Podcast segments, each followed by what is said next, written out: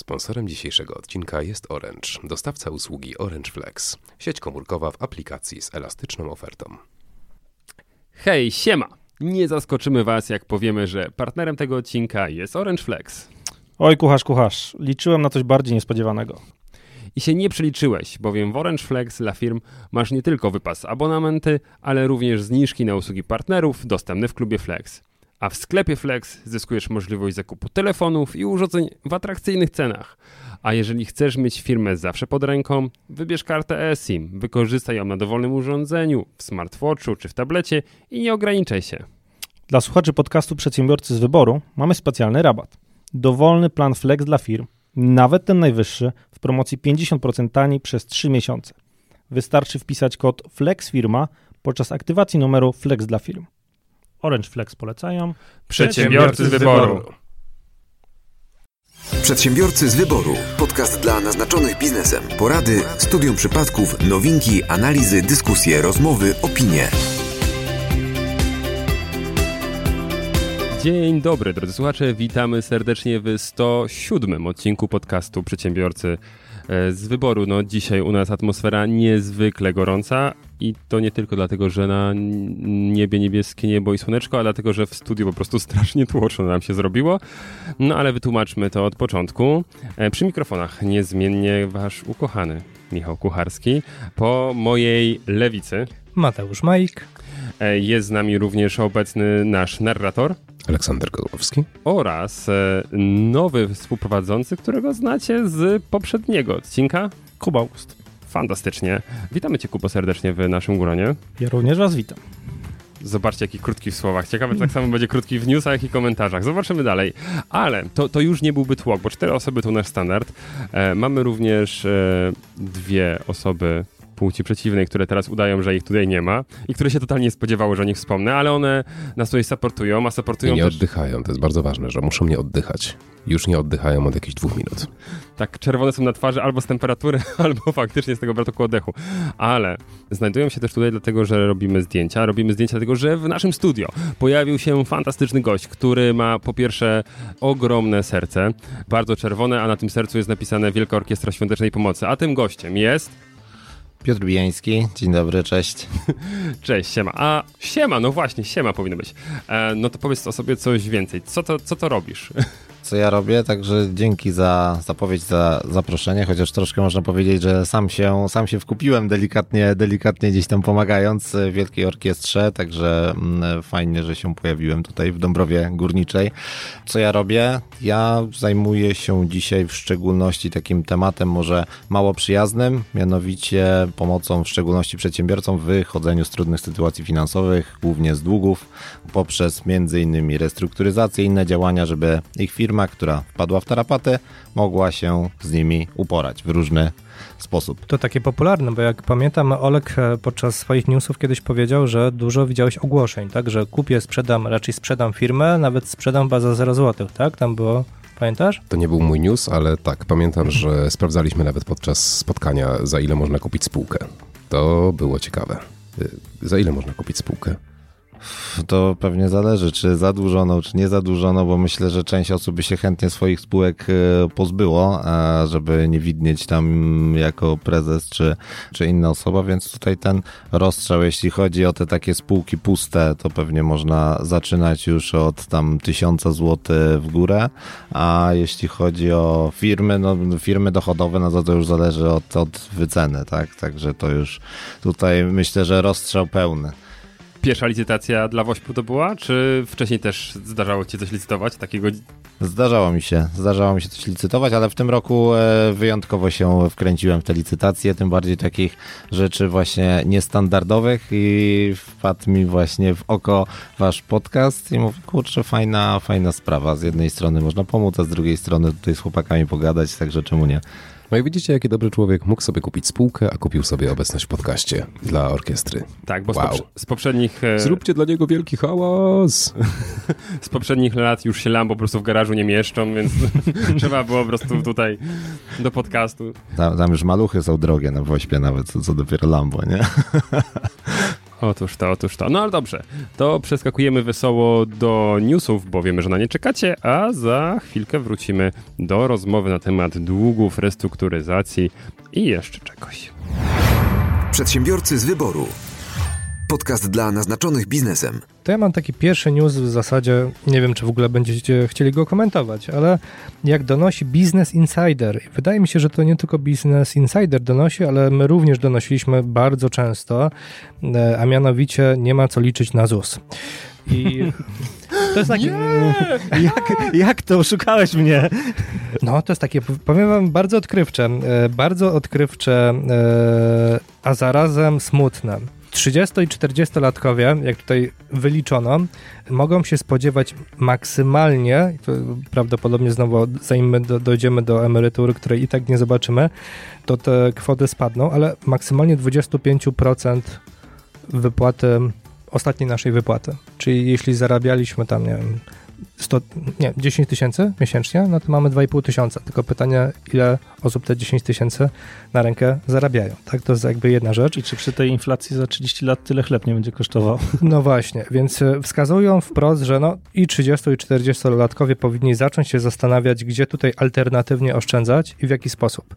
Na pewno każdy z Was w jakiś sposób oszczędza, natomiast proponuję nie traktować oszczędności jako opłat za ZUS, na ZUS, no bo to nie są oszczędności to powiem ci, Mateusz, tak odkrywcza teza pojawiła się w tym 107 odcinku, że myślę, że nie skomentujemy jej po prostu z przyzwoitości. Tylko wiesz, li, y, dlaczego to, to y, padło w ogóle? Bo na chwilę obecną jest wskazanie, że około 50% twojego ostatniego wynagrodzenia, no to to jest kwota, którą osoby ale dostają. Dobra, ale jakiego wynagrodzenia? Pracując na jednoosobowej działalności gospodarczej, a jak tutaj spodziewam się, co najmniej połowa studia jest w spółkach ZO, także już dziękuję, jesteśmy, nie, nie kwalifikujemy się. Ale mnie się nie bójmy takich truizmów mówić, może jeszcze ktoś tego nie wie. To trzeba powtarzać co jakiś czas, ponieważ pojawia się nowe pokolenie na przykład przedsiębiorców i oni jeszcze mogą wierzyć w to, że mają ZUS. Więc powtarzajmy. O Jezusie. Owoc żywota Twego Jezus. Przedsiębiorcy z wyboru. Podcast dla naznaczonych biznesem. Ja mam newsa, który nie jest bardzo powiązany z ZUS-em. Dziękujemy Ci. Ale mam, y, mam newsa z y, firmami, których podróby nosi Mateusz, czyli z marką Gucci. Y, mianowicie w, w Stanach Zjednoczonych, w całym USA, Gucci wprowadziło możliwość płatności w salonach swoich kryptowalutami. I to nie tylko tymi bardzo popularnymi jak Bitcoin, Ethereum, tylko nawet tymi memowymi. I można teraz zapłacić na przykład Dogecoinem w salonie Gucci w Nowym Jorku na przykład, czy w innym mieście amerykańskim. Ja jedynie co mam wspólnego z Gucci to to, że byłem na filmie Gucci jakiś czas temu. Także dementuję. I nie rozdawali tam żadnych koszul ani polówek. Ale, ale Mateusz to się dalej zgadza, tak? Bo wszystko co nosisz na sobie jest napisane nie Gucci, tylko Gucio.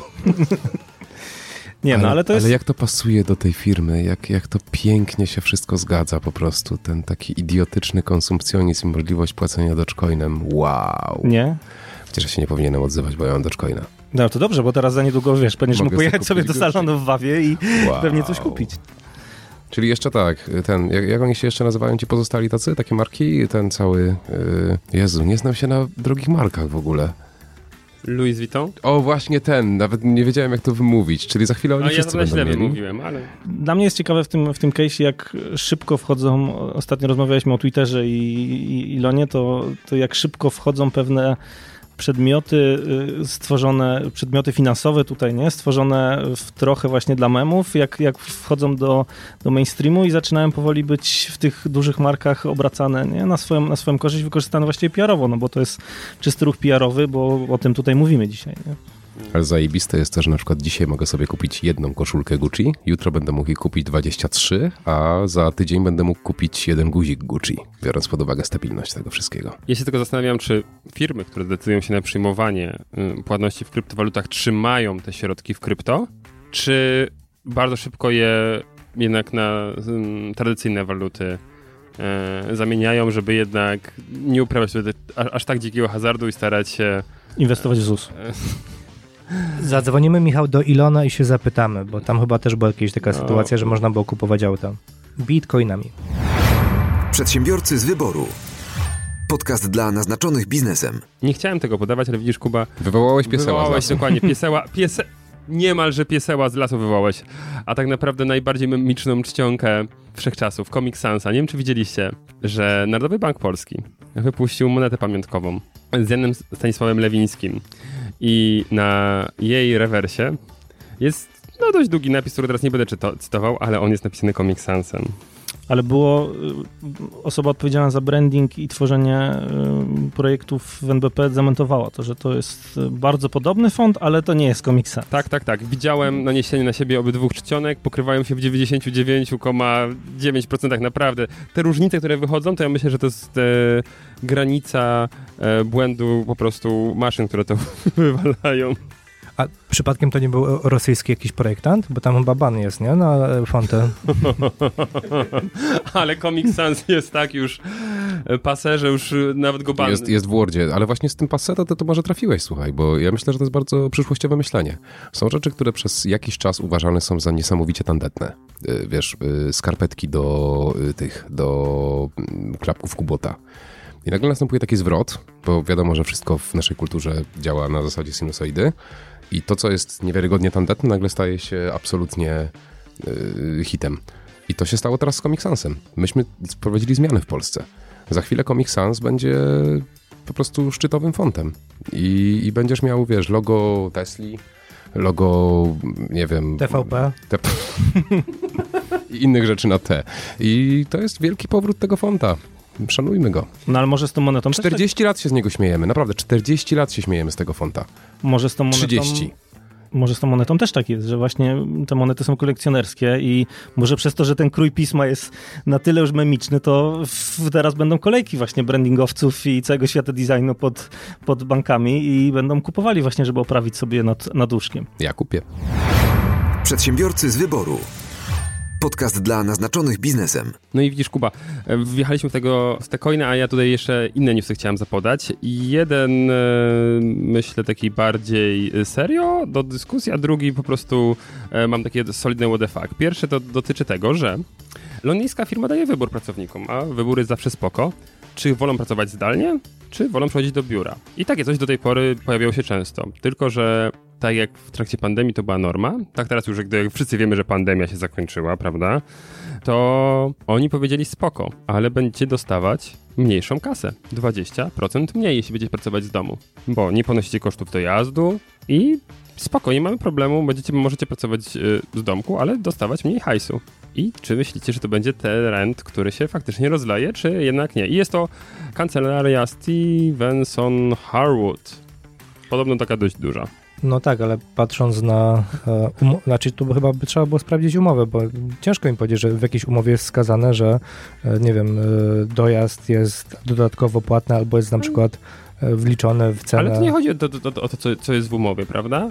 I jeszcze oczywiście można w tej firmie pracować hybrydowo, na zasadzie 3 dni w biurze, 2 dni zdalnie i wtedy też się ma 100%. Ale jak chcesz pracować 100% zdalnie, to masz mniej hajsu. No tak, ale to, wtedy taki pracownik powinien powiedzieć w porządku, ale to wtedy ja dodatkowo dodaję, nie wiem, liczniki prądu, licznik oddzielny na wodę i tak dalej.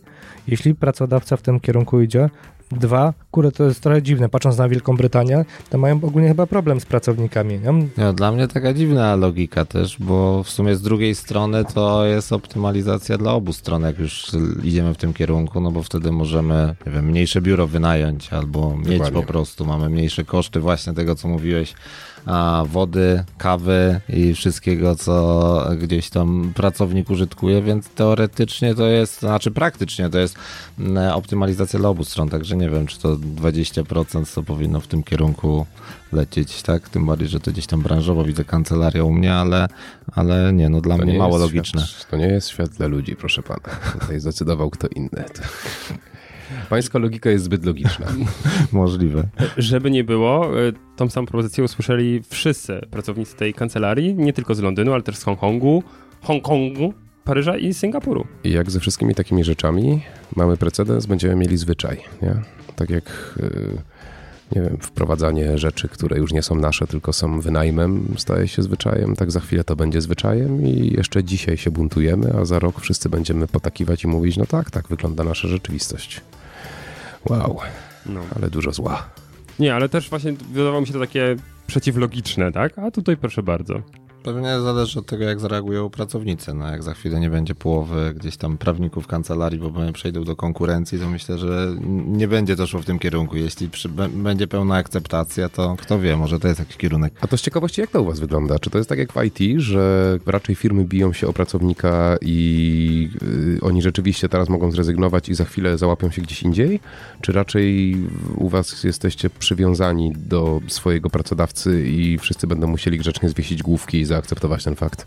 No niestety chyba bliżej do IT tutaj w tej sytuacji, czyli ten, ten rynek w szczególności dla dobrego, wartościowego pracownika jest tak otwarty, że, e, że ta zmienność jest dość duża mimo wszystko. No to w tym kontekście chyba dobrze. W tym kontekście dla Bo jest ludzi... jakaś szansa, że ludzie się zbuntują i że ten precedens nie stanie się precedensem, bo może jednak ludzie powiedzą sorry, ale bez kurwa przesady.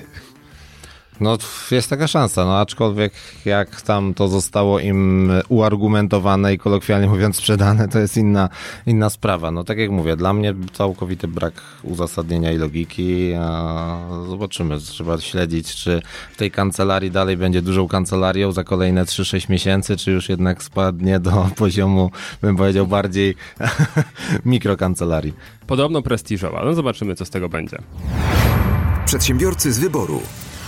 Podcast dla naznaczonych biznesem. No dobrze. To fikołek. Na koniec, jeśli chodzi o news ode mnie. Mówiliśmy o PR-ze. I zobaczcie, konie można coś sprzedać. Zostaliśmy odcięci od rosyjskiego gazu i idzie komunikat Staliśmy się niezależni energetycznie. Nasza polityka doprowadziła do tego, że jesteśmy pierwszy raz w historii niezależni energetycznie. I po prostu chciałem się podzielić z tym, że nie sądziłem, że można tak bardzo wybrnąć z tej sytuacji. Tak się robi politykę. No, chyba tak mi się wydaje, że, że z każdej sytuacji dyplomacja i polityka mogą obrócić to na, na swoją korzyść. No ale z drugiej strony jest to, y, jest to trochę paradoksalne, że tak jak powiedziałeś, nie? że to Rosjanie nas ubiegli, y, a my, my oświęciliśmy triumf pod tym kątem, chociaż faktem jest to, że i tak sytuacja nie jest tragiczna. Ale patrząc, Michał, na tego typu podejście, to oni się uczą od najlepszych, czyli właśnie od Rosjan. Jak tutaj, wiesz, pokazać zawsze zwycięstwo. Oni bardzo dużo książek chyba przeczytali. Sztuka pozytywnego myślenia tak, na przykład. Cyrylicą pisane. Jest, jest, taki żart, który pewnie ma jakieś 50 lat o tym, jak amerykański któryś tam prezydent i rosyjski któryś tam ówczesny władca wzięli udział w wyścigu dwuosobowym. Amerykanie przebiegł pierwszy, Rosjanin przebiegł drugi i rosyjska prasa napisała, że y, nasz prezydent zajął zaszczytne drugie miejsce, a amerykański prezydent przebiegł przedostatni. To jest dobra tradycja, której się uczymy. Przedsiębiorcy z wyboru. Podcast dla naznaczonych biznesem. Bardzo szybki news e, z pogranicza polityki, e, gospodarki, finansów. Mm, nie wiem, czy przejście komu ostatnio mBank wypowiedział umowę na prowadzenie konta. Ilonowi Maskowi. Nie. Konfederacji Korony Polskiej. Myślałem, że po Konfederacji zrobisz pauzę. Z czym jest Konfederacja Korony Polskiej? Mateusz, aj do serio widzę. No, prawdopodobnie tym samym albo czymś bardzo podobnym. W każdym bądź razie głośno było właśnie na stronie Konfederacji o tym i chyba mowa o dokładnie o tym samym. E, mianowicie mBank stwierdził, że no, przy, przyczyną jest polityka obsługi branży wrażliwych e, pod względem reputacji banku. No i zgodnie z nią nie obsługują podmiotów, które prowadzą działalność sprzecznie dyskusyjną. No i ta działalność sprzecznie dyskusyjna właśnie trafiła na Konfederację Korony Polskiej. Gdyby banki w Szwajcarii wpadły na taki rewolucyjny pomysł, to cały świat by się rozsypał. Nie, no dobra, ale no szanujmy y, się i, i, podcast to jest jakaś y, mikropartyjka, zapewne, która uważa, że trzeba y, przywrócić Polsce monarchię, co nie? A co w tym, co, co, co, co w tym jest nie tak? Przedsiębiorca ma prawo odmówić wykonywania zlecenia, tak? Ja odmawiam bardzo często. A słyszałeś o drukarzu? W którąkolwiek stronę to idzie, przedsiębiorca ma prawo, oczywiście, że zawsze znajdzie się ta druga skrajność, która zaczyna drzeć japę, nie? Bo obojętnie komu odmówisz, ktoś zacznie drzeć japę. Ale ja na przykład dość często odmawiam wykonania zlecenia, a w niektórych sytuacjach robię to bardzo niegrzecznie. Proces mu, proces! No, proszę bardzo. Raz zostałem poproszony o wykonanie y, kampanii reklamowej y, dla partii PSL I mój mail zwrotny y, zawierał tylko zdanie, że nie jestem w stanie tego wykonać, ponieważ y, osoba, która ma kandydować, nie ma wąsa i to nie zgadza się z moimi poglądami na temat partii PSL.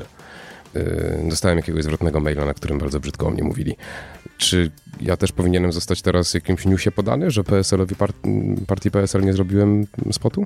No i widzisz, jeśli powodem była dyskryminacja z powodu newsa, to okazuje się, że możliwe, że tak, bo tam było tak, my dyskutowaliśmy Z powodu wąsa. Ja go zdyskryminowałem z powodu braku wąsa. No dobrze, no a ktoś tam... Sko... Oczywiście miałem dużo innych powodów, ale tylko ten opisałem.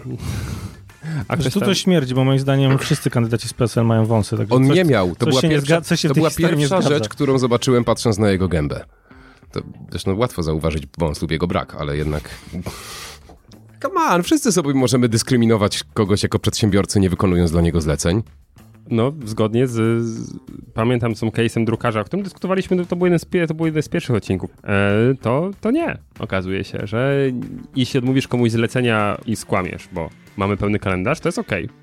Ale jak odmówisz komuś zlecenia, bo masz krzywy ryj, to już jest y, dyskryminacja. I tam dawaliśmy też przykłady, że możesz po prostu dać cenę zaporową. No i pytanie, jeśli się skusi, no to, to musisz przełknąć. Jeżeli się nie skusi, no to jego wybór. A żeby tylko było wiadomo, y, konferencja Korony Polskiej to tam pan Grzegorz Braun, także myślę, że więcej już nie potrzebujemy komentować. Tak, i się stała żartem sama w sobie. Przedsiębiorcy z wyboru. Podcast dla naznaczonych biznesem. Nasz drogi gościu, człowieku o wielkim sercu, wróciłeś do Dąbrowy Górniczej, która wiąże się dla ciebie z pewnymi, powiedziałbym, przeżyciami, które y, opowiadałeś o nich przed odcinkiem, to widziałem, że się tak rozmarzyłeś, nostalgia y, wkradła się na twoją twarz. Z Dąbrowy Górniczej pochodzi bardzo ważny dla ciebie człowiek lub pracował tutaj. On Y? Czy opowiesz nam o tym człowieku i o twojej relacji z nim? Tak, pokrótce mogę, ale nazwiska, imienia nie pamiętam, ale lokalizacja bardzo niedaleko właśnie waszego biura i to był pan, którego większość chce, a może tak nie, nie bardzo poznać, mianowicie pan Komornik. I właśnie tutaj jak założyłem moją pierwszą działalność gospodarczą, to współpracowałem z pewną firmą właśnie na terenie Dąbrowy Górniczej, no i tak jakoś się potoczyły, że Pierwsze moje długi też były w okolicach Dąbrowy Górniczej, już nawet nie wiem, czy bankowe, czy inne, no ale wiem, że przyjechałem tutaj do tego pana komornika i on, zresztą wtedy tak poczułem się bardzo dziwnie, bo on kazał mi dać pieniądze. Ja mówię, że, że nie mam, a on kazał mi wyciągnąć portfel pokazać, ile mam pieniędzy w portfelu. Także to było do tego, do tego stopnia pan specyficzny komornik, dlatego tak go zapamiętałem, bo jeszcze z paroma miałem do czynienia, ale on był jednym z tych, jak później dopiero się zorientowałem, bardziej hardkorowych. Także to, to tak. To u mnie by nie było problemów, bo ja nigdy nie mam pieniędzy sobie, więc zawsze mam plastik. To były inne czasy. Tak, to było, to było tak jeszcze z 15 około lat temu, więc wtedy tak jeszcze plastik był jeszcze taką świeżością, można powiedzieć. Okej. A, ci, a ci bardziej hardkorowi, których potem poznałeś, to co mieli? Y, Nie wyciągali tobie portfela, tylko wyciągali oni, nie wiem, kombinerki albo szczypce na przykład ze swoich kieszeni? Nie, nie, to, był, to, to było zdecydowanie jedno z takich bardziej mocnych doświadczeń, jeśli chodzi o długi. Zresztą to była taka pierwsza sytuacja, dług nieduży. Myślałem, że, że, że przyjdę, dogadamy się i tak dalej, ale, ale jakby wtedy zrozumiałem, że ten rynek tak zwanego długu nie ma sentymentów, nie ma tam możliwości dogadania się, tam jest po prostu ostra jazda i, e, i wtedy też zrozumiałem, bo jakby miałem ten dług, bo to no właśnie, jeśli to jest pierwszy dług, bo ja tak do końca nie pamiętam tej ch- chronologii powstawania tych moich długów, a to był taki, że myślałem, że przechytrzę system, bo Towarzystwo Ubezpieczeniowe nie wypłaciło mi pełnego ubezpieczenia i musiałem naprawić samochód, po czym oczywiście myślałem, że jak nie odbiorę korespondencji, no to nie będą mnie ścigali. No i tak dwa razy nie odebrałem i właśnie ten pan komornik później wysłał do mnie pismo, a ja byłem ciężko, ciężko zdziwiony. Co ciekawe, ogrom przedsiębiorców dalej jest e, tak chytrych jak ja. E, Myśli, że przechytrzy system i później stają się naszymi klientami, ale to, to rzeczywiście. A nawiązując do tego, co, co ty powiedziałeś, to nie, miałem jeszcze tylko jedną taką sytuację, ale to z windykatorem, któremu niby przypadkiem e, broń wypadła z, e, z torby. Nie używał jej ani nic nie powiedział, po prostu jak wyciągał dokumenty, to mu wypadła. Tak celowo. Tak. To jest zawsze najlepszy argument, nie? Bo już taki trudny do, do dyskusji. Tak, tak, tak, tak. To Czy Ja myślę, że ja bym się w tym momencie zaczął śmiać, bo to, to, to ma w ogóle wprowadzić powagę sytuacji? To, to, jest, to jest na poziomie komedii. Bo co on z tą bronią ma zrobić? Naprawdę? To jest stosowane takie Kurczę, coś? jak, jak dla kogo? Wiadomo, przychodzi zazwyczaj taki typek, który nie, nie wygląda zbyt, zbyt przyjemnie. Ja wtedy byłem młody, więc mnie to przeraziło, ale co więcej, bo podobną sytuację miałem z 2-3 lata z przedsiębiorcą już tam wieloletnim i dosłownie to samo. Torba wypadła broń, bo mimo tego, że to była już osoba po upadłości, która nawet nie może spłacać tego, to ona chciała pożyczać od wszystkich i temu windykatorowi to zawieść. Także to, o dziwo, działa. Czy są takie specjalne torby Wow. dla windykatorów, które, które jak się kładzie, to zawsze wypada broń? Tam gdzieś jest taki zatrzask, który gdzieś do, do, na sprężynie pytanie, ale nie wiem, bo jakby od strony windykacji się nie zajmowałem e, taki, takim tematem, ale tych windykatorów trochę poznałem, no więc e, to takie, takie dwie sytuacje, które można uznać za lekko, lekko specyficzne i to był zresztą windykator z jednego gdzieś tam reprezentował bank, żeby było śmieszniej. No i właśnie tutaj może takie dodatkowe pytanie. No i przychodzi do ciebie windykator reprezentujący bank yy, i wypada mu broń. I teraz jako prawnik yy, odpowiedz mi na takie pytanie. Jak bardzo to już jest próba zastraszenia? Jak bardzo to jest coś, z czym można lecieć do sądu? No to już jest. Ja w ogóle jedną rzecz muszę sprostować, bo to, że ja jestem właścicielem sieci kancelarii, to nie znaczy, że jestem prawnikiem. To Okej. jakby jedno. A tak, żeby tutaj nie, nie wprowadzać e, jakiegoś e, e, błędu, bo wręcz u nas to jest, można powiedzieć, wartość dodana, ale to o tym może, może, może później, ale z punktu widzenia, bo, bo takie, takie sytuacje miały u nas rzeczywiście, rzeczywiście miejsce, tylko to jest, wiecie, to jest, e, w sądzie liczy się to, co da się udowodnić, nie? I to jest, e, to jest taka sytuacja, którą wiadomo, że jest słowo przeciwko słowu. Czyli monitoring. Monitoring. Ale weźmy sobie taką sytuację, w której ja mam to nagrane, tak? Mhm. I mamy sytuację, przychodzi w- cwaniakuje, wypada mu broń. Yy, No tak jak mówię, moim zdaniem ja się raczej zaczynam w tym momencie śmiać, bo mam też dziwne podejrzenie, że ta broń może nie być tym, czym nam się wydaje, że jest, a następnie wybieram się do sądu zaprezentować taką sytuację. To jest... Nie, no to zdecydowanie jest, no bo prawdopodobnie ta osoba nie ma w ogóle pozwolenia na broń, tak, u nas. e, Właśnie.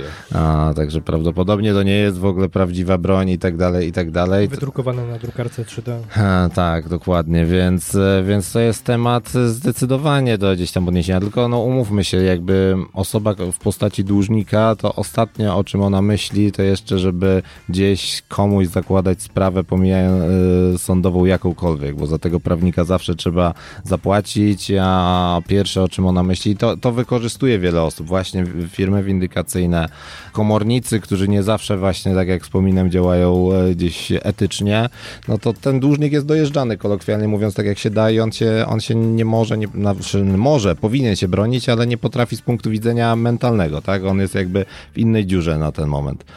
Powiedz mi, bo tak w sumie otwarcie zacząłeś mówić o, o swojej pierwszej przygodzie z, z długiem, a to jednak jest dość mocny temat tabu. I czy, żeby przyjść do takiej osoby jak ty i zwrócić się po pomoc właśnie w poradzeniu sobie z długiem, trzeba najpierw wyzbyć się właśnie i poradzić sobie trochę z tym wstydem, bo jednak to chyba dalej jest, tak jak powiedziałem, temat, który nie jest powszechnie przez przedsiębiorców, nie ma takiej dużej otwartości, żeby, żeby o tym rozmawiać. No dokładnie, to właśnie ja zawsze mówię, że tak jak jest jakby coraz więcej kancelarii, które przy takich tematach starają się pomagać, ale to w ogóle nie jest rynek konkurencyjny. Dlaczego? Bo właśnie my nie konkurujemy między sobą, tylko jakby głównym celem jest to, żeby dotrzeć do tego przedsiębiorcy, czy osoby prywatnej i uzmysłowić, że to, że masz dług, obojętnie czy to jest 10 tysięcy, 100 tysięcy, czy kilka milionów, bo ja miałem ponad półtorej bańki w pewnym momencie, tak? Ponad półtora miliona. To nie oznacza, tak, bo tak myślę, że tutaj dość wprost komunikujecie, więc to nie oznacza, że jesteś debilem, nie? Po prostu, tak? I to, a, to że wpadłeś w tarapaty, e, no to oczywiście czasem popełniłeś, a nawet często popełniłeś błędy, bo ja też popełniłem e, wszystkie możliwe błędy, miałem niewłaściwych kontrahentów i tak dalej i ogrom ludzi popada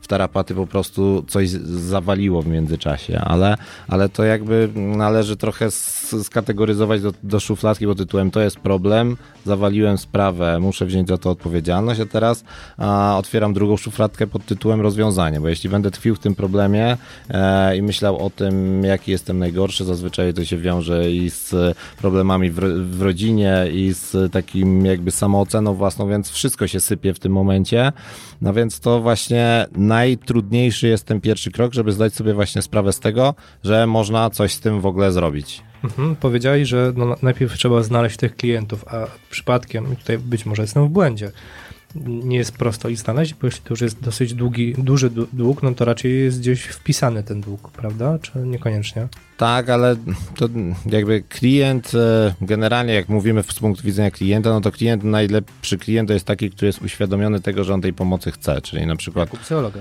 A, trochę tak, trochę tak, dokładnie, dokładnie tak, bo jeśli ktoś przychodzi, bo jest też ogrom ludzi, którzy wychodzą z punktu widzenia roszczeniowego, to częściej się zdarza u klientów indywidualnych pod tytułem, no teraz jest takie państwo, w którym wszystko się dostaje, to te oddłużenie, to ja powinienem też za friko dostać, a nie wiesz, jeszcze ode mnie kasę chcecie, żeby mi tutaj e, pomagać, to albo pomagacie, albo mnie kroicie, no i to takie jest, e, takie jest podejście z drugiej strony, więc e, dlatego e, oczywiście tych klientów może się tam znaleźć, ich jest ogrom, bo to, wiecie, to jest około 3 miliony klientów, klientów blisko e, w Krajowym Rejestrze Długów tylko, tak? Jest ogrom takich długów niezarejestrowanych, także jak e, gdzieś tam przedsiębiorcy często nie wpisują się od razu do jakichś tam rejestrów, nawet, bo trochę im głupio, bo to wiele lat z tym kontrahentem współpracuję, to tak zaczekam, on kiedyś mi zapłaci i tak dalej, i tak dalej, więc tutaj, tutaj klientów jest ogrom, ale jakby mi chodzi o to, że po prostu to jest rynek taki nieuświadomiony. 90% tego rynku to jest jakby taki rynek, w którym klienci nie wiedzą, że są rozwiązania, nie wiedzą, że powinni coś z tym zrobić i oni robią to samo, co ja robiłem, czyli nie odbierają korespondencji, bo myślą, że wtedy długi znikną. Nie odbierają telefonów, bo tam na pewno ktoś dzwoni o kasę i to jest dla mnie w ogóle taki pierwszy weryfikator często. Dzisiaj, chociaż niektórzy nie odbierają, bo nie odbierają, ale wiele osób, którzy nie odbierają telefonów, to tak dla was tip, to są osoby, które mają długi, bo oni z założenia nie odbierają od nikogo, nie? No a co do zniknięcia, to dług nie zniknie, ale zależy u kogo mamy ten dług, ktoś inny może zniknąć wtedy, nie? No, no, no tak, tak. Znaczy, znaczy właśnie, i teraz skręcając, bo wiesz, kiedy opowiadałeś o długach y, względem banku i kolesiem przychodzącym i wypadającym pistolecie, no to jest to dla mnie jakiś poziom komedii, tak? Ale istnieje też ten drugi typ długów, gdzie istnieje pewna szansa, że te pistolety są prawdziwe. Mhm. I wtedy już nie jest śmiesznie, kiedy komuś pistolet wypadnie, ponieważ to nie jest bank, tylko pewnego rodzaju inna instytucja.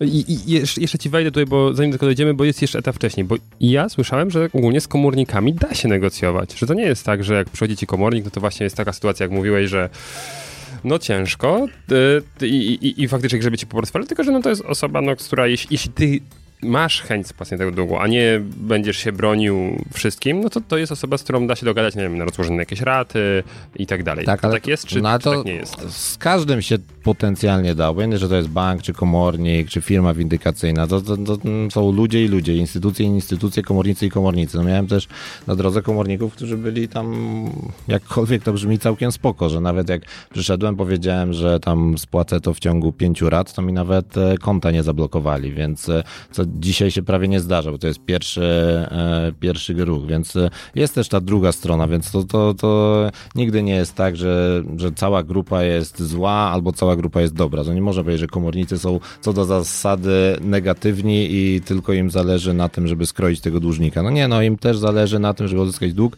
Tutaj paradoksalnie im mamy mniej majątku i możliwości tego, żeby go z nas ściągnąć, tym mamy większe możliwości negocjacyjne. Bo to tak, tak samo trochę działa nawet restrukturyzacja i inne rzeczy. Jeśli bank czy inna instytucja widzi, kurczę, masz długu 500 tysięcy, a majątku na 5 milionów, no to hello, sprzedaj coś albo zrób coś, a jak nie, to sami ci to sprzedamy.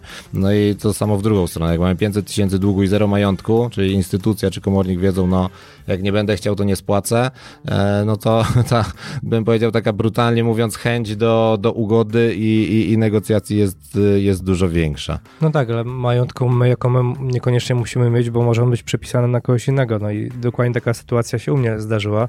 Jedyny klient w mojej karierze na razie biznesowej, który mi nie, nie zapłacił w pełni fakturę, poszliśmy do sądu, oczywiście sąd przyznał mi rację, komornik i niekomornik i tak dalej. Osoba zamknęła firmę, przeniosła wszystkie środki na osobę, która nie była spokrewniona. Tak, no to jest, to jest, jakby, to, to, jest standardowe gdzieś tam kolej rzeczy. Tam wiadomo, można by się pochylić nad różnego rodzaju tam skargami pauliańskimi i tym podobnymi, bo, bo jeśli się przepisuje, na, a, a większość jednak robi to w taki sposób, no, gdzie łamie prawo po prostu, czyli jak mamy długi, przepisujemy zazwyczaj a, darowizną na kogoś, to często tak klienci do nas przychodzą, czyli mieli majątek, e, w ostatnim miesiącu przepisali wszystko na córkę, żonę, przychodzą do nas, dobra, to teraz mi oddłużcie, bo ja już nic nie mam na siebie. Mówię, teraz to ja nie wiem, co my ci zrobimy, bo to wszystko zostanie zostanie podważone tak naprawdę. To nie ma, nie ma, nie ma tutaj dyskusji co do tego, więc można w różny sposób zabezpieczać ten majątek, ale, ale to w trochę bardziej mądry sposób należałoby robić, więc tam w takiej sytuacji e, no, większość ludzi tak niestety postępuje. Pamiętajmy o tym, że dlatego teraz te prawo i upadłościowe i restrukturyzacyjne trochę jest lepsze, żeby ci ludzie mogli wrócić na rynek, bo większość dłużników właśnie A, majątku już nie ma na siebie, B, jeśli gdzieś pracuje albo zarabia, to na najniższej krajowej, żeby to było nieściągalne, więc to jest taka,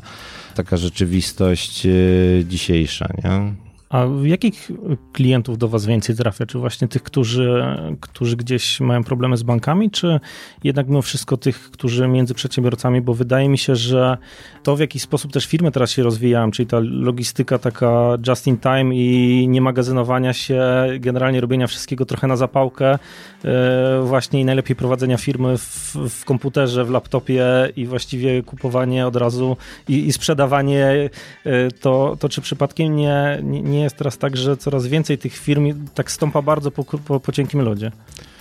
Do nas trafiają bardzo różne. Jakby to tak zgeneralizować, to na pewno bardzo dużo firm transportowych. To jest jakby coś, tym bardziej przez aktualną sytuację też gospodarczą. Też ci, którzy na wschód różne rzeczy wozili, no to był taki moment, że po prostu część firm nie miała co robić, a jakby koszty leasingu, jakichś e, kredytów e, zostały, więc e, transport to jest na pewno ta branża, która ma stale nieustające różnego rodzaju problemy i ci, ci przedsiębiorcy są często gdzieś tam zaleasingowani, zakredytowani pod korek. To jest, to jest jakby jedna grupa. Druga to, jak wspominaliście o różnego rodzaju coinach, to też właśnie skojarzyłem, że jest wiele osób, które po prostu, zresztą w internecie tego cały czas jest dużo, czyli jest dużo różnego rodzaju takich nowoczesnych piramid finansowych. I mnóstwo ludzi takich zarażonych chęcią szybkiego zysku pod tytułem 10% miesięcznie, 100% miesięcznie. No jak ja to słyszę, to od razu mi się włącza czerwona lampka, dla wielu włącza się zielona pod tytułem dobra, inwestuję, będę milionerem w krótkim czasie. No i te wszystkie OneCoiny, Dustcoiny. Czyli to tak nie działa. No, mi się jeszcze nie trafiło, jak, ale, ale, ale, ale wiecie, jakby mam, mam bardziej skrajny, skrajny przypadek, gdzieś tam sprzed roku mniej więcej, gdzie jeden klient pewnie dostał, dostał maila, już mieliśmy mu pomóc, a on w pewnym momencie napisał do nas maila, że wiecie co, ja dziękuję za, za pomoc, bo ja za chwilę będę miał tutaj dużo środków, bo przelałem właśnie tam 5000 euro, bo napisał do mnie nigeryjski książę. I on naprawdę wierzył, że te pieniądze mu spłyną. Czy ty właśnie podałeś pierwszy w historii przykład działającego skamu z nigeryjskim księciem? Nie wiem, czy on był, obawiam się, że nie był jedyny, skoro do mnie trafił. Stary, myśmy wczoraj ze znajomymi dokładnie rozmawiali na temat tego, że nikt z nas nie wierzy w to, że ten skam kiedykolwiek się udał. No. A NBP Nigerii, y, PKB Nigerii rośnie. On się, ale... tu, on się wow. tu udał i, i, to jest jeden z takich wielu, ale więcej było tematów, gdzie nie pamiętam jak się nazywał, na Netflixie o takim gościu, który wyłudzał od kobiet pieniądze. Mm, to tego typu rzeczy to jest standard ogrom e, kobiet, panowie. No, przepraszam, że tak się trochę uśmiecham, bo to jest przykra sprawa, ale generalnie jak tak o tym się myśli na logikę, no to to jest bez sensu, no mówmy się, ale naprawdę ogrom kobiet się zakredytowuje dla gości, których albo w ogóle nie widzieli, albo widzieli raz, albo myślą, że są Harrisonem Fordem, bo, bo, bo taka sprawa też, e, e, też była. Nie wiem, czy nawet e, o tym nie był jakiś tam większy temat w telewizji, ale też mieliśmy jedną klientkę, która przelała tam gdzieś 100 tysięcy gościowi, który miał być Harrisonem Fordem, ale nie mógł przylecieć. No, tam zawsze jest jakaś historia za tym, która brzmi wiarygodnie, chociaż jak tak się człowiek by ocknął, to, to, to, to, to by zrozumiał, nie? Z Fordem jedynie miała może to wspólnego ta osoba, że miała starego Forda w garażu. Ale y, Olku, wracając troszeczkę do tego, co ty mówiłeś. Że ja dalej jestem w szoku. Ja wiem. Ja naprawdę ja się odniosę do tego. Że którykolwiek z tych skamów może... Ja się, ja się właśnie do tego odniosę, bo nie pamiętam gdzie, ale mm, słuchałem o tym, jak to działa i sens właśnie tej wiadomości jest taki, że one są od razu pisane w taki sposób, że jeśli ktoś odpowie, i to nie jest heheszek, tak, tylko to jest faktycznie osoba, która nawet jest cień zainteresowania, no ona już przeszła kwalifikację że albo jest w trudnej sytuacji psychicznej, bo wiecie, no, trafia to na ludzi w różnym, e, na, na, różnym etapie życia, albo faktycznie, nie wiem, nie jest obeznana w internetach i nie wie, że nigeryjski książę to jest scam. Jeśli roześlesz tych maili, zobacz, każdy z nas dostał takich maili co najmniej kilkadziesiąt, tak, jeśli nie kilkaset.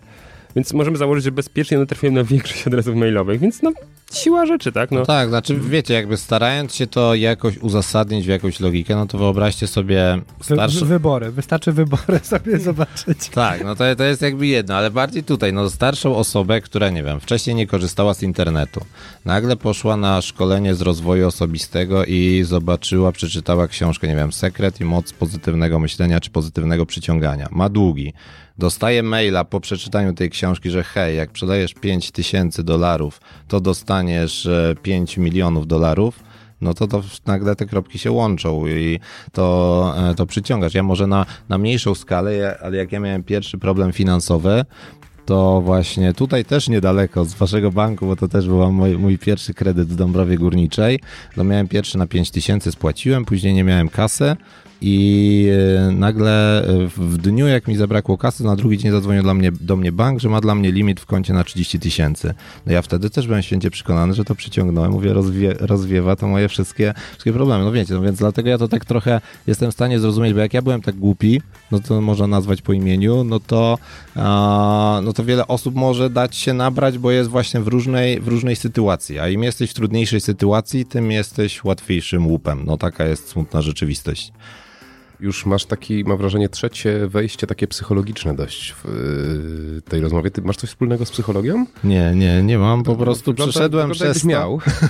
Nie mam, Em, przeszedłem przez to i dlatego wiesz, dokładnie rozumiem to i e, tak jak do parę lat wstecz w ogóle o tym nie mówiłem, to, to, to, to dzisiaj tak jak właśnie tutaj kolega się dziwił, że o tym tak mówię bezpośrednio, bo to po prostu zaakceptowałem, że kiedyś byłem jaki byłem, no wyciągnąłem z tego wnioski, no i, i tyle. Poznałeś pewne mechanizmy.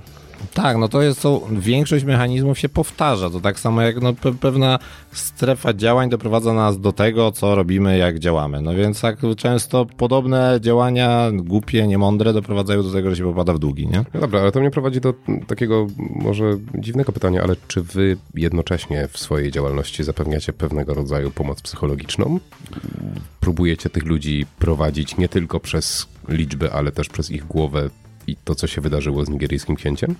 W praktyce e, nie, na pewno nie taką profesjonalną, psychologiczną, bo prawie nikt e, nie ma tej świadomości, że naprawdę by jej potrzebowali. Bo jakby część ludzi naprawdę by jej potrzebowała. Ale to znowu, tak żeby pójść do psychologa, to trzeba mieć wbrew pozorom też wyższy poziom świadomości.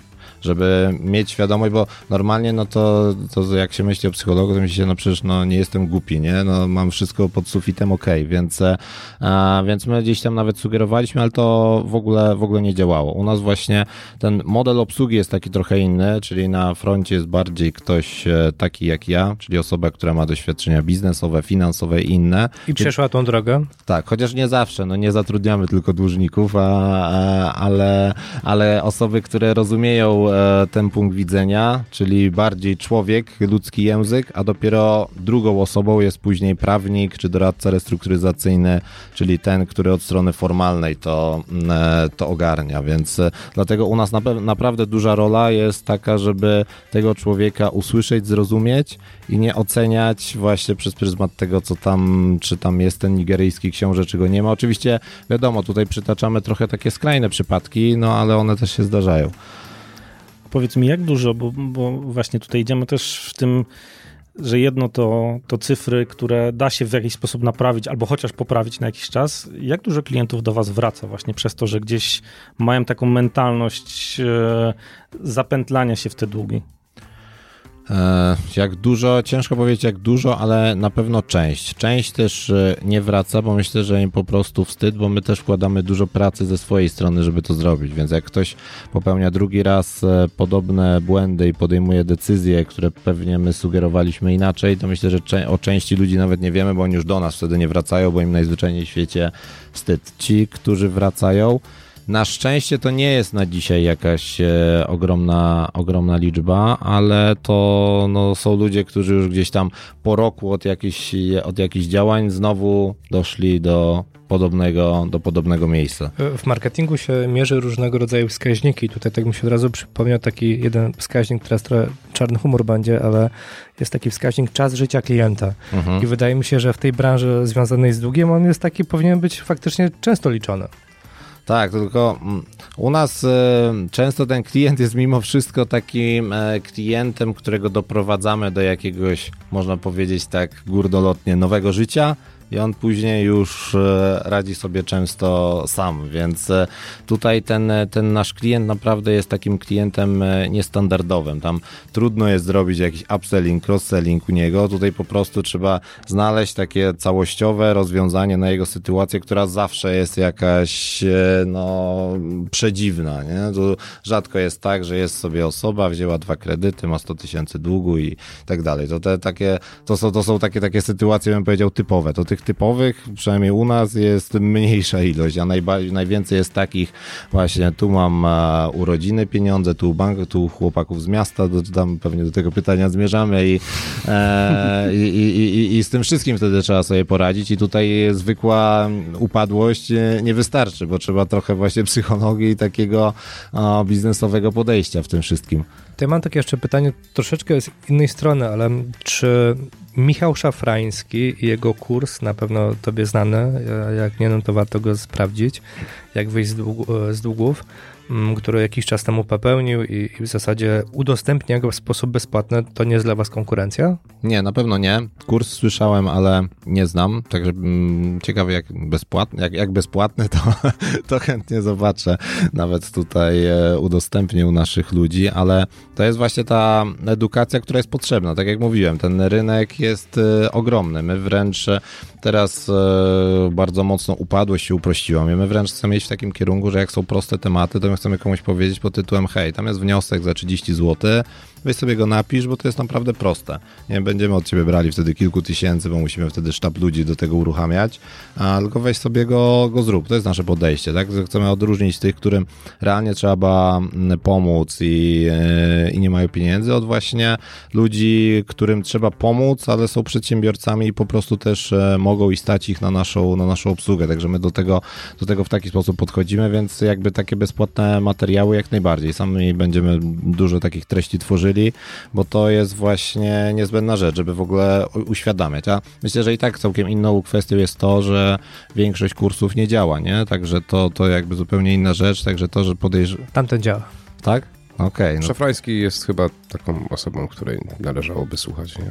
Znaczy, no ja myślę, że tak, gdzieś tam jest e, znany, lubiany, szanowany, co nie zmienia faktu, że tak jak ja mam doświadczenia ze szkoleniami, różnego rodzaju kursami, na samym końcu ci ludzie i tak wracają na te swoje tory, a ten mental nie jest gdzieś tam zmieniany, tylko jednak wracają do tych swoich nawyków w kontekście kolejnych miesięcy. Także, ale, ale tutaj, jeśli, no dla mnie, tak jak mówię, jeśli to daje jakąś wartość dodaną, to ja jestem jak najbardziej za to. To tutaj, tutaj. Ja się zastanawiam, czy tutaj nie mamy dwóch różnych grup docelowych, że faktycznie Michał częściej się może komunikować z tymi, co mówiłeś, tak? Dwa kredyty, 100 tysięcy, albo ludzi, którzy nie mają długi, ale nie potrafią nimi zarządzać, bo on to często też podkreśla, że na przykład e, ludzie widzieli, że zarabiają na przykład bardzo dużo, co nie? Tam, nie wiem, dwie osoby i po 20-30 koła zarabiają co miesiąc, a kurde, klasa im schodzi, co nie? A no, jakby nie, nie, gospodarstwo domowe ma 60 koła miesięcznie przychodu, ale się okazało, że tutaj auto jakieś wypasiste, tutaj dwa domy,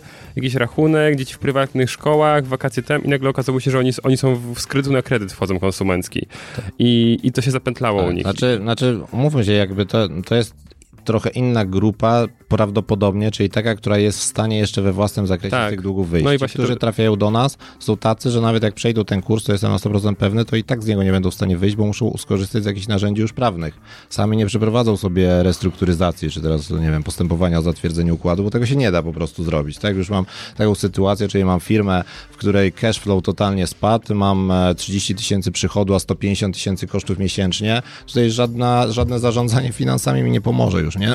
na takim etapie. I to, to jest częściej nasz, e, nasz klient, który ma milion, dwa, trzy. Firmę, która jest w stanie zadziałać, ale się tak zapętliła, że, no, że bez jakiegoś oddechu to, to, to nie ruszy. No powiedz mi, jak wygląda, bo powiedziałeś właśnie o tej trochę edukacji i tej świadomości. Jak to w ogóle wygląda? Czy my, Polacy, polscy przedsiębiorcy, mamy coraz większą świadomość? Czy ja przeczytałem teraz takie, taki raport Krajowego Rejestru Dłużników e, po tym kwartale, że 25% osób w Polsce e, rozważa wzięcie kredytu albo już to zrobiło na komunie. Teraz mamy okres komunijny, co mnie trochę przeraziło mnie te dane, czyli jedna czwarta. I pytanie, czy to też nie jest tak samo, przekłada się na mentalność przedsiębiorców, że trochę chcemy być bardzo do przodu. Zastaw się, a postaw No się. więc właśnie, nie? Czy, czy, czy to trochę, jak to wygląda w kontekście tej świadomości, czy, czy coraz więcej wiemy i coraz bardziej uważamy, że kredyt może być dobry, ale rozsądnie zarządzany, czy to jest y, wręcz w drugą stronę? Jak chcemy szczerej odpowiedzi z mojej perspektywy, to ta świadomość nie rośnie wcale. Także e, to ostatnio sobie zobrazowałem, bo byłem jakieś 20 ponad lat temu w Paryżu i wtedy jak e, jechało się tam z Polski, to w Polsce były same takie, no byle jakie powiedzmy samochody, a tam rzeczywiście się stało na tym skrzyżowaniu że, i było wow. I teraz pojechałem do tego Paryża Myślę sobie, kurczę, w Polsce mamy lepsze samochody niż w Paryżu, gdzie tam kawalerka kosztuje półtorej miliona.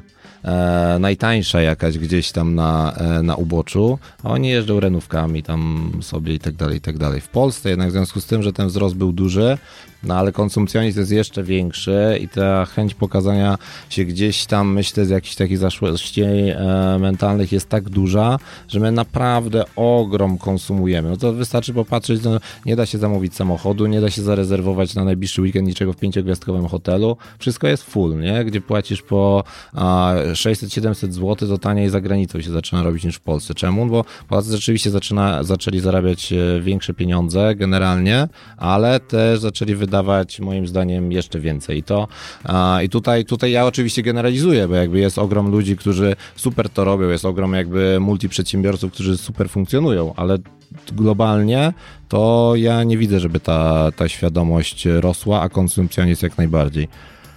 No i teraz jeszcze raz nawiązując trochę do historii z pistoletem.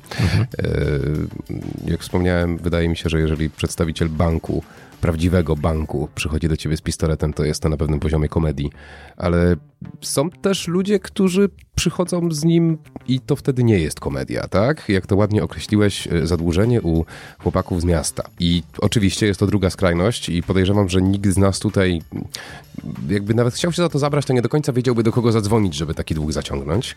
Ale gdzieś tam pomiędzy jednym i drugim mam wrażenie, że istnieje pewna szara strefa czegoś, co nie jest do końca bankiem i nie jest do końca chłopakami z miasta.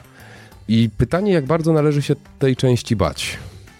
To tutaj, tutaj są dwie części. Pierwsza to taka, że może cię zaskoczy, ale ja z tym doświadczenia miałem, bo ja miałem dług, gdzie się tylko dało, więc mogę z praktyki ci powiedzieć, jak to, jak to wygląda. I wygląda to nie do końca tak jak w filmach, przynajmniej w aktualnym już XXI wieku.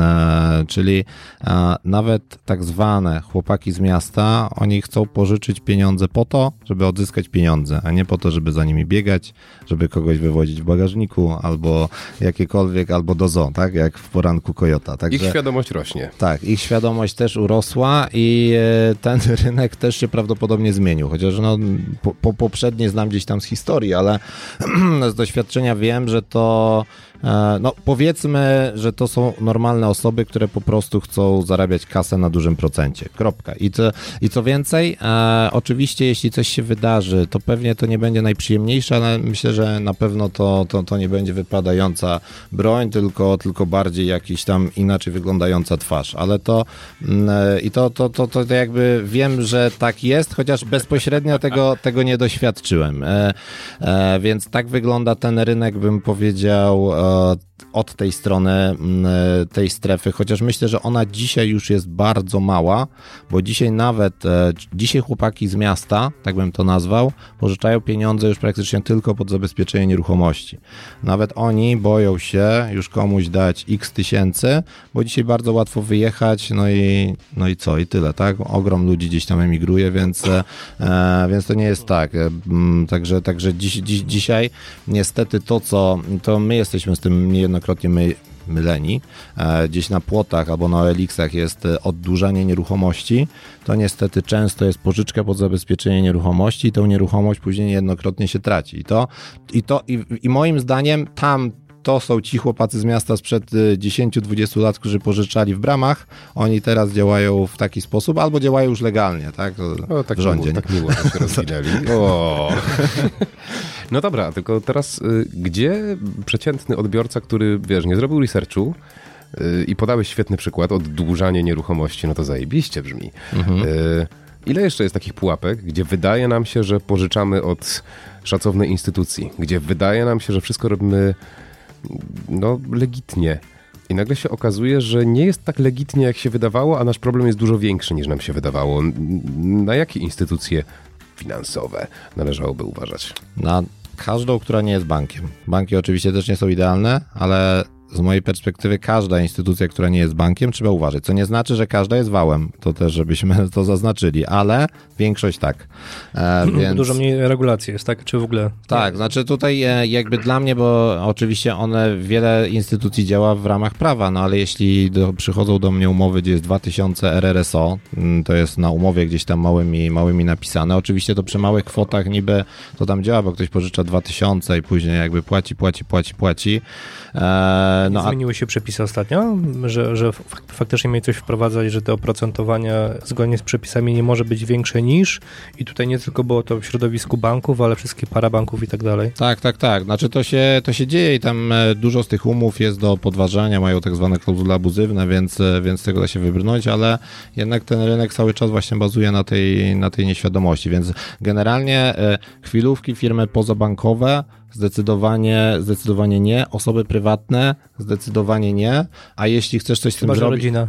No, chociaż to kurczę, czasem, czasem bywa jeszcze gorzej, przynajmniej no, jakby jest taniej, ale psychicznie gorzej, więc ja już e, nie wiem, czy bym nie wolał, e, żeby ktoś się zabezpieczył na mojej nieruchomości, chociaż tak jak mówię, to jest, e, to jest naprawdę ostateczność, jeśli coś takiego szukamy, no to zdarzają się jakieś pojedyncze instytucje finansowe, które to robią, to i tak jest drogie. Pamiętajmy, że tam te koszty, one są tak poukrywane, że tam i tak mniej niż 30% rocznie się nie da z tego zrobić, nie? Ale teraz troszkę tak opowiadasz y, z rozpędu, rzucając nazwami, znając się na tym temacie. Aha. Rzuciłeś nazwę chwilówki. Mam wrażenie, że już gdzieś świadomość, chociaż nie wiem, może przesadzam twierdząc, że świadomość niebezpieczeństwa chwilówek y, zaczęła się pojawiać. Zaczęła się pojawiać, czy ludzie dalej myślą, że chwilówka jest spoko? Ja nie wiem, czy w ogóle ludzie myślą w takich kategoriach, czy ona jest e, spoko albo nie. Oni po prostu mają ciśnienie i jak ktoś chce im dać kasę, to nie patrzą na konsekwencje tego. Ja Ale jakie są te mądrzejsze zwroty, y, skróty myślowe i eufemizmy, takie jak oddłużanie nieruchomości, w które zmieniły się chwilówki i na które wszyscy powinniśmy uważać, nawet jako przedsiębiorcy, którzy właśnie z rozpędu, jak ten dzik w pomidory, wpakują się w coś, co nie jest kredytem bankowym. A to nie są A też brzmiało fajnie. To nie są te wszystkie takie fajne, kolorowe reklamy w telewizji, które teraz lecą i które wyglądają dziwnie i e, a nawet bardzo dziwnie? To to nie są już takie właśnie typu chwilówki? No tak, to te wszystkie firmy, no, no nazwami nawet e, Vivusy, Bociany i tak dalej, to, to są firmy, które biorą ogromne pieniądze za, za pożyczki, tak, po prostu. Także oni nie pożyczają akurat, z tego co wiem, pod zabezpieczenie nieruchomości, oni robią te mikrokwoty, których właśnie teoretycznie nie widać, jak dużo tam się oddaje tych pieniędzy, więc teraz tych takich słynnych, bo to były śląskie bodajże, te tak zwane chwilówki czerwone, one nagle gdzieś tam w pewnym momencie upadły, e, ale pojawiło się jakby ogrom innych firm, które teraz wyglądają tutaj z Boćkiem, tutaj z kimś, nawet znane osoby je reklamują. To jest e, jakby taka naturalna droga e, do zadłużania się, to jest zazwyczaj kredyt bankowy, jakieś najbliższe środowisko i tym e, resztka to jest właśnie chwilówka, czyli jeszcze mam to nadzieję, dobra, jeszcze wezmę ten 1025 e, i w przyszłym miesiącu będzie dobrze. No, przedsiębiorcy wiadomo, tym bardziej w Polsce muszą być optymistami, ale w tym zakresie są zbyt dużymi optymistami i tutaj jeśli, jeśli muszę już sięgać e, po pozabankówkę tak zwaną albo po rodzinę, to powinno się zapalić już nawet nie żółta, czerwona lampka pod tytułem hej, znajdź jakąś kancelarię, już nie mówię, że nas, chociaż najlepiej, ale znajdź jakąś kancelarię, która ci w tym pomoże, bo jest jakby dużo narzędzi prawnych, którymi można to rozwikłać, albo takie umowy nawet przeanalizować i stwierdzić, że, e, że są do kosza po prostu. No ale patrząc na przykład, który idzie z góry, no przecież e, Polska jest na tyle zadłużona, że teraz, e, co, co wprost mówiono, że niestety, ale będą musieli się zapożyczać tylko i wyłącznie po to, żeby spłacać odsetki, tak, od zapożyczonych kwot, także już troszeczkę zaczynamy wpadać w taką spiralę. Także jak państwo polskie wpada powoli w taką spiralę, a przynajmniej zagrożenie ku temu, no to jak nie mają sobie poradzić tacy normalnie obywatele. No tak, wydawałoby się, że najbardziej światłe głowy wprowadziły, doprowadziły do tego, że po kilkadziesiąt tysięcy na głowę jesteśmy zadłużeni już od urodzenia. 40, no. A także, także, no więc tutaj, jeśli, no mówię, no nie, nie chcę uzasadniać tego, że zakredytowywanie się jak najbardziej jest e, dobre, no ale to, to nie jest ani dobre, ani złe, to jest jak, jak nóż, no może być używany do czegoś dobrego i do czegoś złego, no jak się używa tego, tego z głową, no to, no to, to można, tylko właśnie z tym z głową jest, jest problem.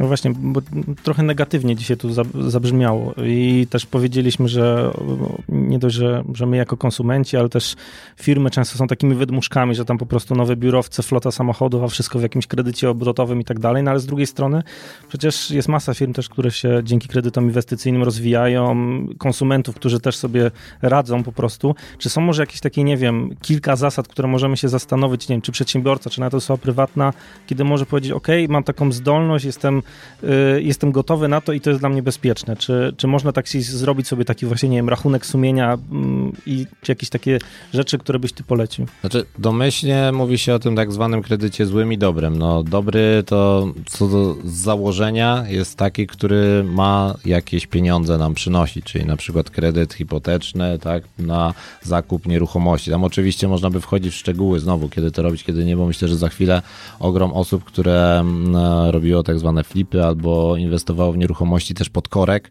to też będzie miało za chwilę, za chwilę problem z tymi stopami, które, które teraz szaleją, ale no jak, miało, jak mielibyśmy przyjąć, że jeśli jakiś kredyt jest w miarę ok, no to właśnie kredyt hipoteczny i kredyt inwestycyjny, tak? Czyli coś, co tak naprawdę kupuję jest dla mnie rozwojem i jest czymś, co ma mi dać więcej pieniędzy, no bo na pewno nie kredyt na komunię, czy na wesele, czy na wakacje, bo to jest antyteza tego, co a, powinniśmy brać, pomimo tego, że wesele być może nam się zwróci, ale ostatnio gdzieś widziałem artykuł pod tytułem, że para jest zniesmaczona, że dostali od gości tylko 6 tysięcy, tak? Bo liczyli na tam ponad 20, bo wesele ich kosztowało 50.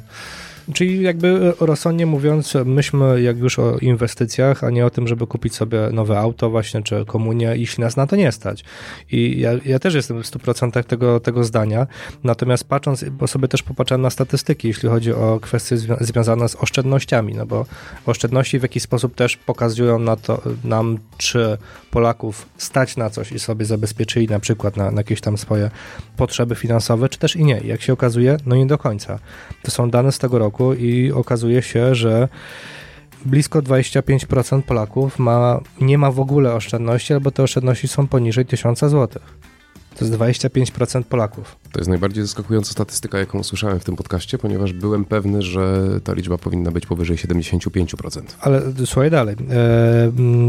Pomiędzy 1000 a 5000 zł oszczędności, to jest największa grupa, to jest e, 17 niecały procent a taka super kwota, czyli powyżej 50 tysięcy, no to jest 7%. 7,1. A pewnie jeszcze nie są wzięci pod uwagę cali dłużnicy, którzy nie Oczywiście. wzięli udziału w badaniu, tak?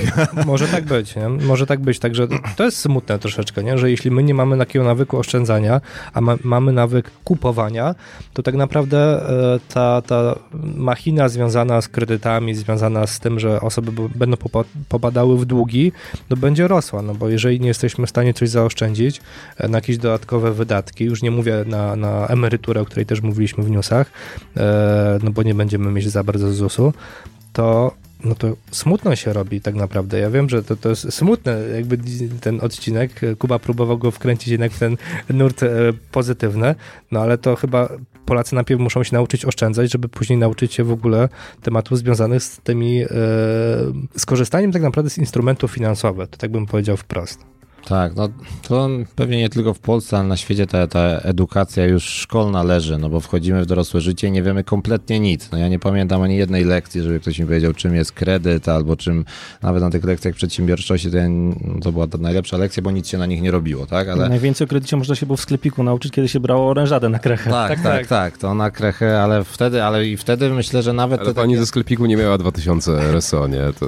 Ale, ale, ale powiem ci, że wtedy jest szansa, że te takie negatywne nawyki w nas wchodziły, bo, bo u mnie też i okej, okay, wziąłeś, wiesz, te 10 zł czy jakkolwiek, oddałeś, no i w sumie spoko, no to co w tym kredycie złego? No i później tak samo bierzemy 10 tysięcy, tak samo bierzemy miliona dom pod tytułem, że no okej, okay, no przecież tam to spłaciłem, to to też spłacę. No i my trochę tak, tak, tak, tak, tak działamy, no, a tu jakby wchodząc w ten taki to, tor też jakby lekko negatywny, no to z tym oszczędzaniem za chwilę będzie jeszcze większy problem, no bo właśnie aktualne ceny, także to jakby od różnej strony. A to ja bym jeszcze od drugiej strony powiedział. Ja mam, gdzieś tam parę razy spotkałem się z, z takim zdaniem znajomych, że oni to w ogóle na razie biorą kredyty na jakieś małe rzeczy, żeby wyrobić sobie lepszą zdolność kredytową i, i dla mnie, znaczy, bo ja generalnie jestem totalnie antykredytowy i mhm.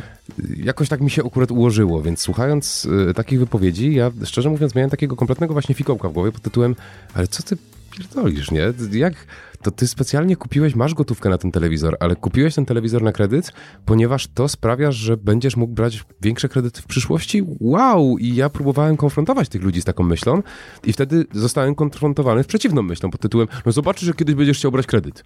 Bo nie będziesz mógł, bo nie masz w ogóle, bo nie istniejesz. Nie masz historii. Aha!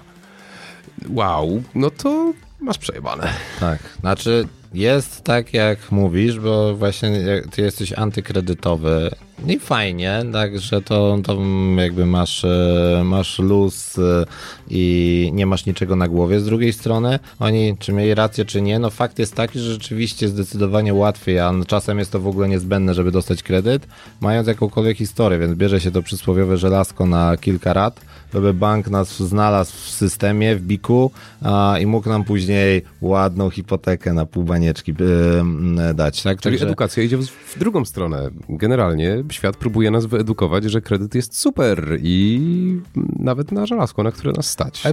nie masz tak- edukacji w szkole, masz edukację wśród znajomych, że kredytuj się. Znaczy, no pamiętajmy, że instytucje finansowe w dużej mierze rządzą światem, także to, to jakby robią tak, żeby im było wygodnie, więc te życie na kredyt i konieczność zasuwania cały czas w tym tak zwanym wyścigu szczurów, no to to jest to, jak, jak ten świat jest skonstruowany i pewnie będzie coraz bardziej, no bo tu nawet zmierzamy teraz w kierunku takim zachodnim, że coraz mniej własności, coraz więcej pożyczania, tak? I to, czyli samochód... Czyli pożyczania, no? Tak, tak, tak. Samochód w najem, e, mieszkanie i tak dalej, i tak dalej. To ja się odniosę, Olek, do tego, co ty powiedziałeś i bo ty jesteś antykredytowy, ja nie jestem antykredytowy, ale też nie jestem taki typowo kredytowy jak Kowalski, tak przynajmniej mi się wydaje, bo mam takie podejście, że jak już pożyczam, to pożyczam wtedy, kiedy mnie stać na to, żeby to pożyczyć. Tak? Czyli tak naprawdę ja dużo, część tych środków mam, ale nie chcę ich od razu w całości skonsumować, tylko je gdzieś tam sobie są na wypadek, kiedy się stanie to, co się dzieje teraz, czyli podwyższyły się stopy procentowe i wtedy nie mówię, o kurczę, co teraz to mam zrobić, tylko po prostu spłacam kredyt, tak? I tyle, ale w razie czego miałem tą gotówkę w jakimś tam stopniu, nie? Znaczy, dla mnie to, to, to podejście ze mną w dużej mierze współgra, bo to wszystko pewnie zależy, jakimi kwotami obracamy, jakie mamy możliwości, no bo jak ktoś ma ogrom pieniędzy na koncie, to nie ma takich dylematów, tak? I wtedy sobie, ale, ale jakby twoje podejście pod tym kątem ze mną współgra, że rzeczywiście tej trochę gotówki fajnie by było mieć na sytuacje różnego rodzaju nieprzewidziane, jakąś, nie wiem, nawet chorobę w rodzinie, cokolwiek, no to mm, e, rzeczywiście to zawsze jest ważniejsze i, i dlatego jeśli ten kredyt brać, to najlepiej, ok, mam kasę, ale wezmę ten leasing czy kredyt hipoteczny, a jakby co to mam tam poduszkę, żeby tam na rok do przodu nadpłacić tego kredytu, jeśli nagle mnie poskłada albo, albo kogoś, kogoś w rodzinie. Więc to takie zdroworozsądkowe podejście do, do, do, do finansowania to jak najbardziej, dlatego e, mówi się, e, że generalnie kredytować powinno się wtedy, kiedy w firmie czy w życiu jest dobrze, nie kiedy jest źle, a, a robimy za, zawsze na odwrót, czyli wtedy, kiedy nie mamy kasy w firmie, to idziemy do banku po kredyt i, i wtedy zazwyczaj ta spirala się naciąga. I tak samo w życiu,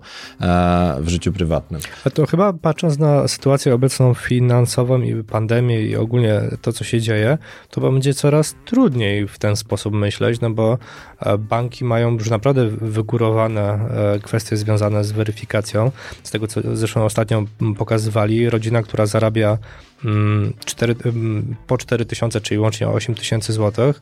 Jeszcze e, w październiku zeszłego roku mogła sobie wziąć e, hipotekę na ponad 500, e, chyba 60 tysięcy złotych, a teraz jest w stanie maksymalnie na 360. No to dokładnie tyle samo zarabiają. No właśnie, ale to właśnie o tym mówię, nie? Czyli przez to, że co się dzieje teraz, e, no już być może nie będzie tak dużo osób, które no właśnie biorą kredyt w momencie, kiedy ich nie stać na ten kredyt. Tak, no to szukając tutaj pozytywów w rosnących stopach procentowych, to na pewno to jest e, jakiś plus, czyli mm, bardziej jest to dostosowane do możliwości tych ludzi. No bo jak stopy były na praktycznie zerowym poziomie, no to każdy hulaj dusza piekła nie ma. A teraz rzeczywiście, jak one będą wyśrubowane, a prawdopodobnie będą jeszcze rosły, no to osoby, które po prostu stać na ten kredyt będą, będą go dostawały. No i, i tyle. No ja, ja sam jestem ciekaw, jak będzie wyglądał ten rynek przez kolejny rok, bo wiem, że jak, jak wygląda przez y, ostatni rok, w którym z mojej perspektywy, jakby mojej branży, wiadomo, my, my mm, doświadczamy samych trudnych sytuacji, to już było nieciekawie, a jak będzie w perspektywie teraz tego najbliższego roku, biorąc pod uwagę stopy procentowe, inflację, wojnę i tak dalej, i tak dalej, no to no nie wiem, no jakby z tych takich y, rynkowych, no to jedna czwarta firm się obawia, że nie dotrwa do końca roku. I to jakby mówią przedsiębiorcy. Jak będzie, to się okaże, no ale no, tak, to, tak to wygląda. Ale powiedziałeś też, że instytucje finansowe rządzą światem i to jest, to jest oczywiste i nie ma co się obrażać na to i, i, i ciężko z tym walczyć, ale z drugiej strony ja ostatnio też czytałem, że zrobiono porównanie między Polską a Niemcami i wzięto ten kredyt taki standardowy 300 tysięcy 30 lat i w Niemczech jest trzy razy tańszy niż w Polsce. Pytanie, czy w Polsce nie jest tak, że właśnie banki, instytucje finansowe mają trochę za duże dysproporcje y, w, i za dużą przewagę względem właśnie takiego szarego konsumenta czy takiego małego przedsiębiorcy? E, Generalnie wszędzie w jakimś stopniu mają. Myślę, że w Polsce też jest to dużo bardziej wykorzystywane i te, te wszystkie zapisy i te wszystkie działania, które, które podejmują instytucje finansowe, ja bym nawet nie powiedział, że rząd, tylko te, które podejmują instytucje finansowe, to one no, mają na celu jak największe uwiązanie tego, bym powiedział, takiego przeciętnego naszego obywatela do tych, do tych instytucji w jak, naj, w jak najdłuższym czasie. Ja nie porównywałem, czy rynek niemiecki jest e, lepszy, czy, e, czy gorszy. No, rynek finansowy ze sobą jest zdecydowanie powiązany, aczkolwiek no, z punktu widzenia na pewno kosztu, z punktu widzenia właśnie tego, co powiedziałeś, czyli takiego bym powiedział podejście tych instytucji finansowych, no to Polska no, no nie jest na pewno na przodzie Europy, tak? Czyli nic, tylko e, Willkommen aus Deutschland, tak? Nie, nie, jednak e, prowadźmy te działalności e, w Polsce i płaćmy te podatki w Polsce, żeby żyło się nam lepiej, ale tak idźmy krokiem do przodu i no właśnie, bo mówimy cały czas o długach. Powiedziałeś już, jak po części, na co zwrócić uwagę, żeby nie popaść w te długi. Natomiast pytanie, okej, okay, ale nie posłuchałem ciebie, albo za późno cię posłuchałem, czy wysłuchałem, patrząc na odcinek, no już mam te długi. I co teraz? Pytanie, czy to są e, długi właśnie te, o których rozmawialiśmy pod tytułem, nazwałem je długi e, ala Michał Szafrański pod tytułem uh-huh. skorzystaj z kursu i dostępnych metod i poukładaj, czyli ja, ja bym to nazwał, że to są długi pod tytułem ok, zarabiam 5, mam e, rat na 5 albo zarabiam 10, mam rat na 10 i uważam, że wtedy rozwiązania pod tytułem różnego rodzaju taka ręczna optymalizacja pod tytułem ok, idę sam do instytucji finansowych i do moich kontrahentów i się dogaduję pod tytułem hej, chcę to spłacić, ale mam problem. Tutaj ta taka otwartość jest, e, jest kluczem z takich najprostszych. Szczerość. Tak, tak. Szczerość, czyli naj, najgorsza opcja to jest zawsze to tak zwane nieodbieranie telefonów.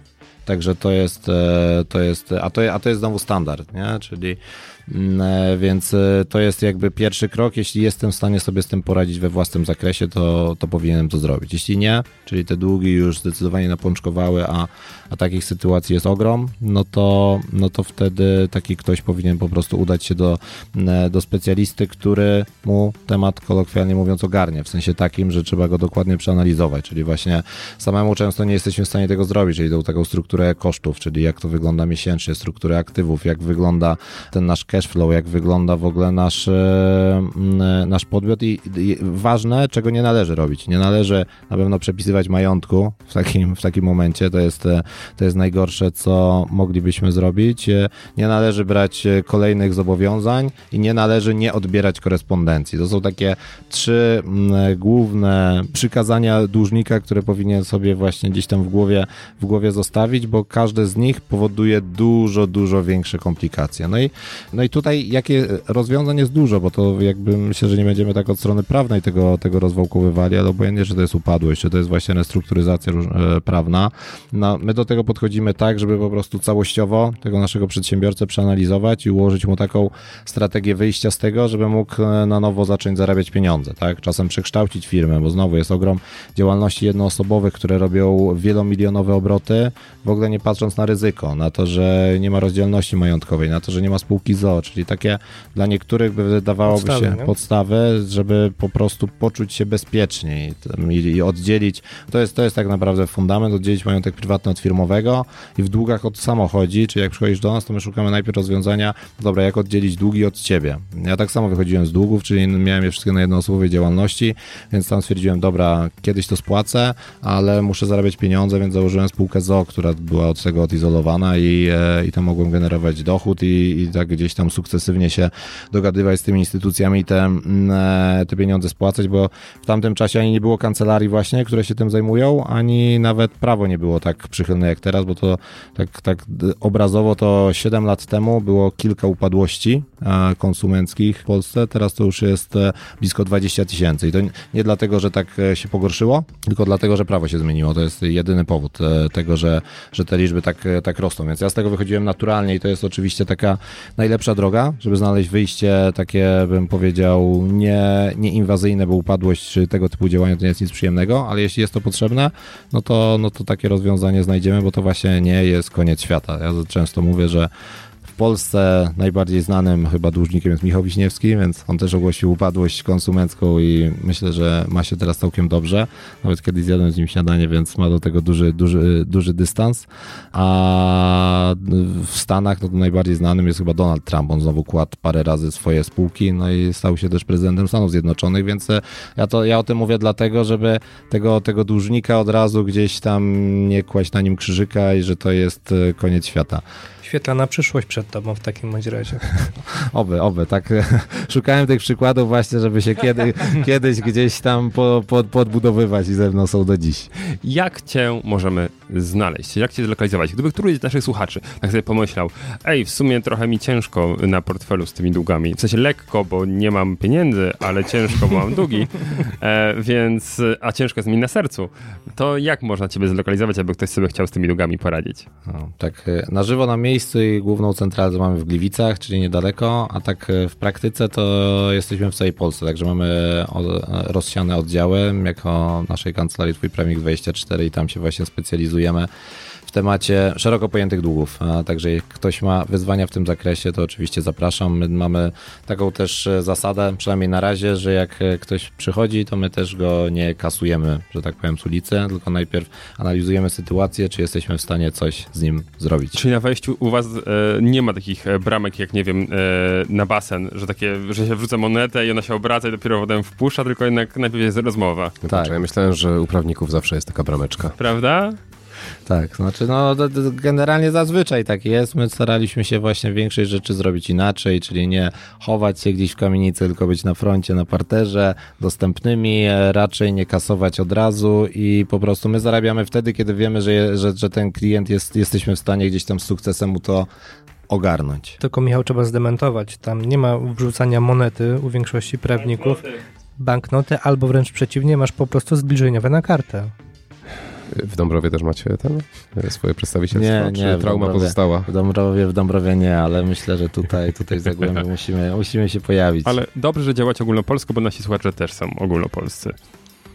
No to co, drodzy Państwo, y, zbliżamy się myślę ku końcowi. Tak. Mi już mózg zaparował od ilości danych, które dzisiaj, informacji, które się dzisiaj pojawiły i cóż możemy powiedzieć? Yy no mnie najbardziej urzekł temat jednak psychologiczny tego wszystkiego i to, że pokazuje, że to nie jest tylko kwestia cyferek, ale jest to też kwestia tego, co się dzieje w głowach ludzi i wow, dobrze jest posłuchać takiego kompleksowego podejścia do tematu cyferek na czerwono pisanych. Tak, ja dziękuję ze swojej strony za zaproszenie i fajne spotkanie, bo dużo takich rzeczy dzisiaj powiedziałem, których, y, o które nigdy nikt nie pytał, albo o których nigdy nie mówiłem nawet, e, począwszy od tych chłopaków z miasta, tak, więc... e, Zostawisz nam do nich numer. tak, zostawię tutaj, żeby, żeby, żeby feed dostać Zamdychę na chcesz samym pożyczyć, tak? Tak, tak. Słuchaj, Nikt się naprawdę, nie- ja, ci, ja, nikt ci się- poży, ja ci pożyczę, nie idź do nich, proszę cię. Tylko ja chciałem powiedzieć, że Olek naglewa rapsy. On jest chłopakiem z miasta. Cio.